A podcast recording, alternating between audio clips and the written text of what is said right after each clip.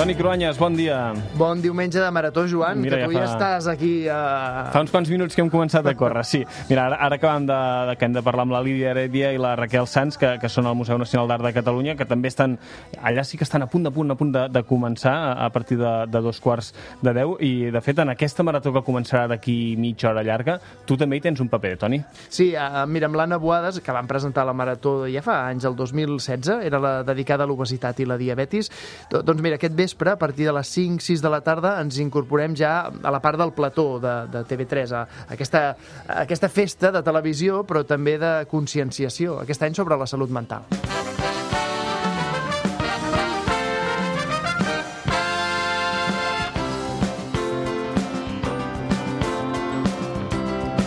Sap eh, greu fins i tot trepitjar aquesta sintonia ja clàssica de la Marató. Avui, Toni, en parlarem sobre personatges històrics coneguts pels seus trastorns, alguns molt injustament.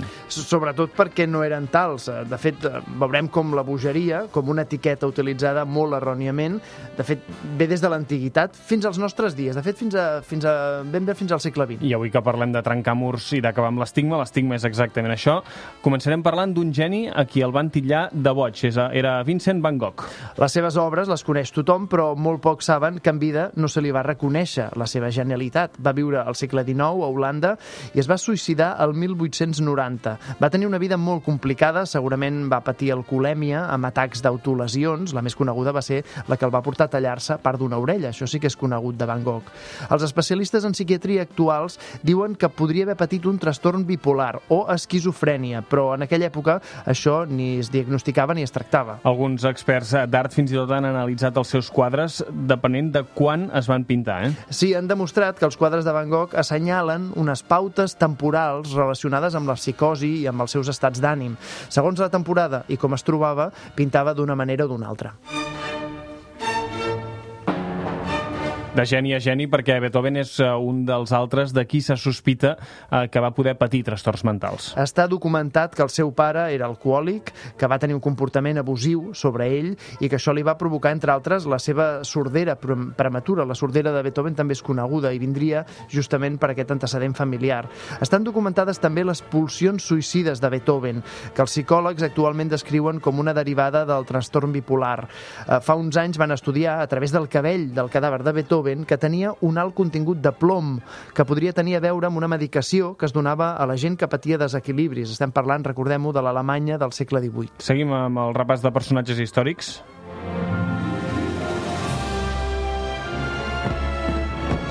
Perquè així és com comencen les pel·lícules de Disney, eh, Toni? Sí. A veure, segur que amb, aquesta, amb aquest so ten, ens ve al cap la imatge del castell que representa el món de Disney, les seves pel·lícules, el parc d'atraccions. Aquest castell està inspirat en un de real construït a Baviera. És el conegut com el castell del rei boig. Sí, és tot un reclam turístic al capdamunt d'una muntanya amb eh, les torres i aquells taulats de fantasia que quan parlem de Disney ens venen a tots al cap. Uh, sí, el nom original és el castell de Neuschwanstein, però li diuen el rei boig per l'extravagància de l'edifici, però sobretot perquè Lluís II de Baviera era considerat, això, un boig. En realitat va accedir al tron amb 18 anys i va governar en una època de guerra entre Baviera i Prússia. Estem parlant aquí eh, de la segona meitat del segle XIX. I va provocar un gran escàndol i una crisi a la cort. Es veu que era homosexual i no va voler-se casar ni tenir cap fill, així que el seu propi govern el va declarar mentalment incapacitat. Lluís II de Baviera era extravagant, sí, eh, era amant de la poesia, molt melancòlic. Finalment el van recluir dins del castell sota l'atenció d'un psiquiatre. La família reial va descobrir que Lluís II i el seu psiquiatre eren amants i tots dos van aparèixer morts ofegats en un llac, de forma molt sospitosa.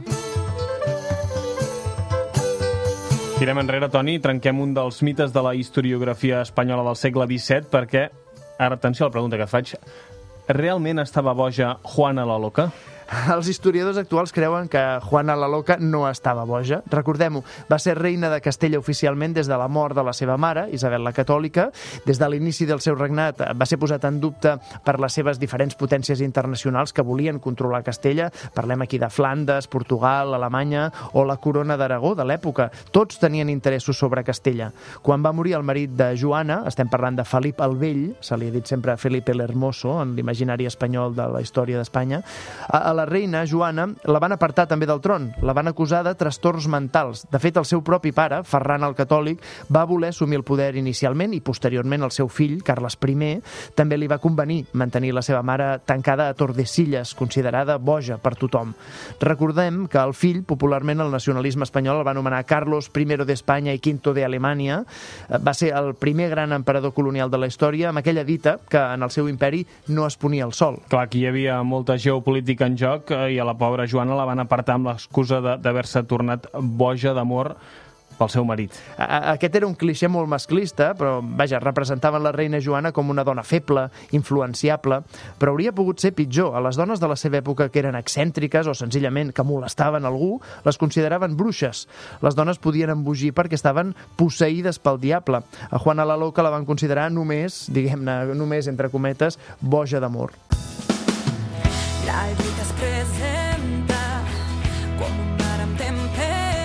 ja ho sabeu que cada diumenge a aquesta hora arribem a les 9 del matí als senyals horaris amb la cançó que ens proposa Antoni Cruanyes i avui, Toni, evidentment has anat a triar d'entre les cançons de la Marató. Has agafat la teva preferida. Sí, arribar de Samantha és una manera, jo crec, una bona manera d'arribar a les 9 del, del matí, no? Doncs aquesta és la primera etapa on arribarem a les 9, després arribarem a les 10, a les 11, a les 12 i fins la 1 del migdia al suplement i la Marató que seguirà, evidentment, a TV3 Aquí ja no hi ha una hora concreta, eh? Em sembla que... Va per llarg, em sembla. Fins que aguanteu. Gràcies, Toni, un diumenge més. Bon dia.